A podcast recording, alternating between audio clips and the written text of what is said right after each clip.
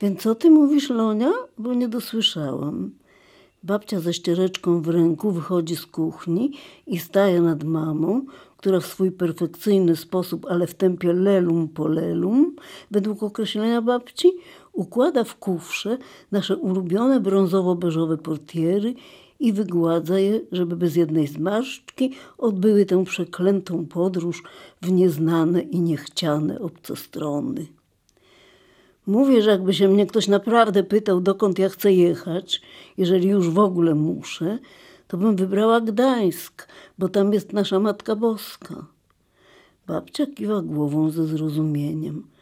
Mama ma oczywiście na myśli obraz Matki Boskiej Zwycięskiej z głównego ołtarza u Dominikanów.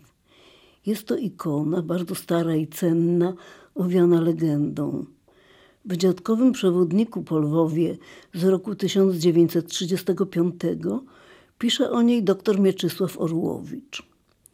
Obraz Matki Boskiej, bizantyński, wedle tradycji pochodzący z Konstantynopola, darowany w roku 987 przez cesarza Bazylego II swemu zięciowi, wielkiemu księciu Włodzimierzowi Kijowskiemu, jako dzieło świętego Łukasza, a koronowany jako cudowny w roku 1751. Inne źródła dodają, że kijowscy Rurykowicze otaczali tę ikonę szczególnym kultem. Zabierali ją jako wizerunek cudowny na wojny z Turkami i dzięki wstawiennictwu Maryi zawsze wracali wygrani. Stąd też tradycyjna nazwa obrazu Matka Boża Zwycięska. Dominikanom zaś obraz miał podarować wraz z zamkiem, który stał się siedzibą zakonników w Lwowie, książę halicki Lew. To wszystko legenda. Poglądy historyków też nie są jednolite. Jedni twierdzą, że obraz namalowany został w kręgu sztuki bizantyjskiej na Krecie lub być może w Wenecji w wieku XV lub XVI. Według innej wersji powstał na przełomie XIV i XV wieku w Haliczu lub w Lwowie, być może nawet na zamówienie samych Dominikanów. Myślę, że mojej mamie było to jednak zupełnie obojętne, czy wizerunek powstał w wieku X czy w XV. Modliła się przecież nie do obrazu, tylko do tej, do której obraz widza odsyła. Zresztą słowo widz jest tu zupełnie nieodpowiednie, bo klęczący przed ikoną człowiek to nie jest muzealny widz, oglądacz, obserwator, tylko wyznawca, adorator, czciciel – a szczególne nabożeństwo mojej mamy do Matki Bożej wzięło się, jak myślę, z sieroctwa. Bo moja niedoszła babcia Aniela, mama mojej przyszłej mamy, umarła w pierwszym roku I wojny światowej podczas tułaczki, na jaką skazały niektórych Polaków władze austriackie, pędząc ich po drogach wielkiej monarchii austro-węgierskiej w ucieczce przed frontem a moja lwowska babcia Eleonora Marianna, o której ciągle opowiadam i która mnie wychowała, była siostrą ojca mojej mamy, czyli ciocią babcią. Dla mojej mamy Matka Boska była matką wszystkich sierot. Zresztą obaj wielcy czciciele Marii i propagatorzy kultu maryjnego w Polsce, prymas Stefan Wyszyński i papież Jan Paweł II, także przecież wcześniej stracili swoje matki. Dla mnie obraz naszej Matki Boskiej był trochę zbyt daleki, trudny, nawet dziwaczny. Nie znając zasad tworzenia ikon, zdumiewałam się, czemu Matka Boska ma tak długi, chudy nos, szerokie policzki i wypukłe oczy.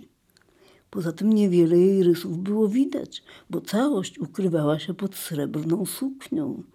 Dopiero kiedy przyszli Sowieci i Dominikanie ukryli przed nimi swoje wyrafinowane skarby, czyli zdjęli sukienkę Matce Bożej, zobaczyłam więcej szczegółów jej wyglądu. Okazało się, że okrywa ją szata ciemno-niebieska, ozdobiona gwiazdami i złotą lamówką. Na ręku trzyma dzieciątko Jezus, zaś drugą ręką na nie wskazuje. Chrystus ubrany jest w szatę jasno-czerwoną. Prawą rękę unosi w geście błogosławieństwa, a w lewej trzyma zwój Pisma Świętego. Oprócz miana zwycięskiej nosi także Maryja miano różańcowej, bo wszędzie, gdzie pojawiali się dominikanie, odmawiano różaniec. Ze względu na liczne łaski katolicy uznają ją za opiekunkę rycerzy, nowożeńców i dzieci. Obraz od początku był otaczany czcią. Świadczą o tym zachowane do naszych czasów liczne ślady po gwoździkach, na których zamieszano wota. Część z nich została zrabowana przez Szwedów w XVII wieku, a pozostałe Dominikanie przekazali w 1920 roku na rzecz Skarbu Państwa, bo jak widać zawsze odznaczali się nie tylko szczerą pobożnością, ale także głębokim patriotyzmem. Dochodzenie teologiczne przeprowadzone w pierwszej połowie XVIII wieku wykazało wiele cudów i łask związanych z kultem lwowskiego wizerunku. Na jego podstawie król August III wystąpił do papieża Benedykta XIV z prośbą o dokonanie koronacji obrazu.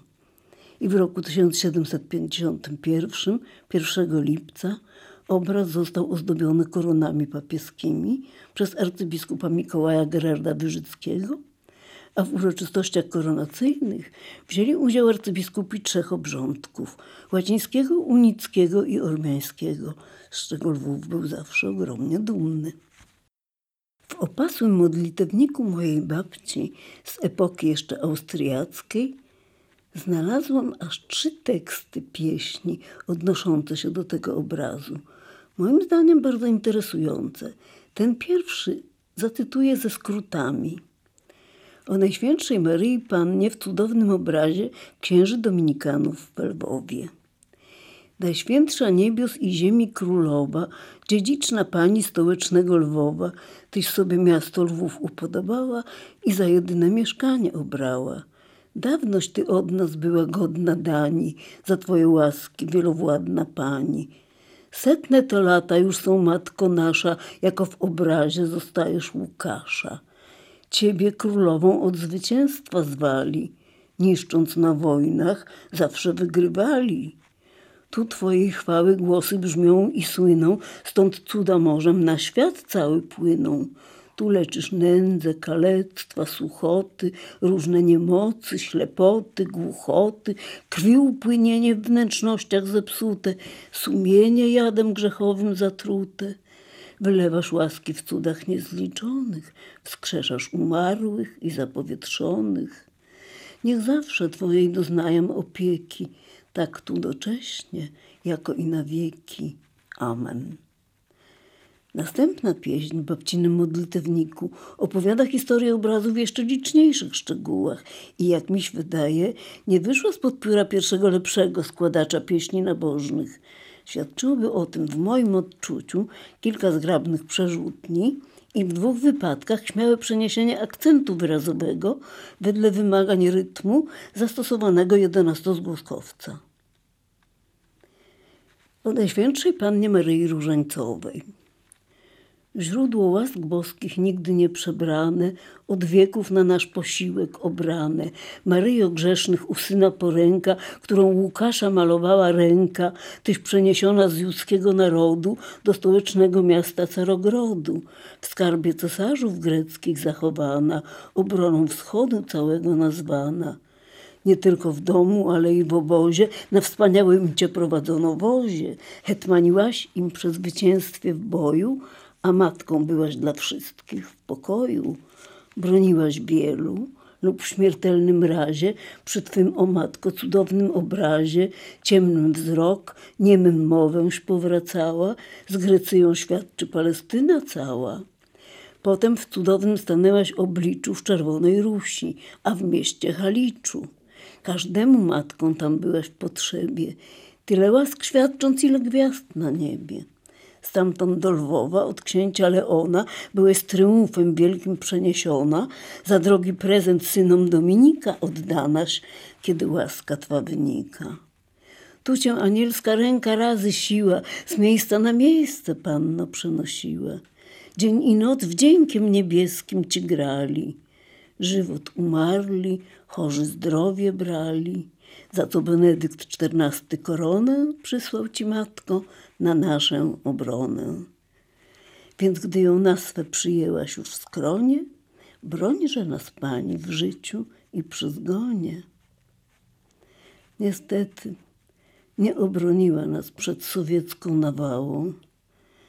Zatem w 1946 roku, kiedy już Dominikanom było wiadomo, że trzeba będzie kościół zamknąć i opuścić, biedną i bezbronną wywieźli Dominikanie do Gdańska, do kościoła świętego Mikołaja i umieścili w dawnym ołtarzu Bractwa Różańcowego. Dzień i noc wdziękiem niebieskim ci grali, napisano w cytowanym przed chwilą wierszu. W kościele gdańskim do końca swego życia wdziękiem niebieskim i swoim wiernym, gorącym sercem grał jej brat Wilhelm Paściak, organista z Lwowa. W latach 90. XX wieku lwowski dominikański kościół, który po 1946 roku został sowiecko-ukraińskim magazynem soli, potem Muzeum Ateizmu i Historii Religii, wrócony został wreszcie do roli sakralnej, ale podarowany niestety cerkwi grekokatolickiej. Dziś nosi nazwę Świętej Eucharystii. W ołtarzu znowu znalazła się kopia naszej ikony. Po latach Dominikanie wrócili do Lwowa, lecz świątyni im nie zwrócono. Dano im mały kościół seminaryjny na wzgórzu arcybiskupim, zresztą piękny, ale nie na długo. Znowu ich wygnano. Ostatnią pasterkę odprawić musieli na jakimś korytarzu, bo nie mieli nawet odpowiedniej kaplicy dla zgromadzonych. Matka zwycięska milczy. Widać, nie zasługujemy na cud.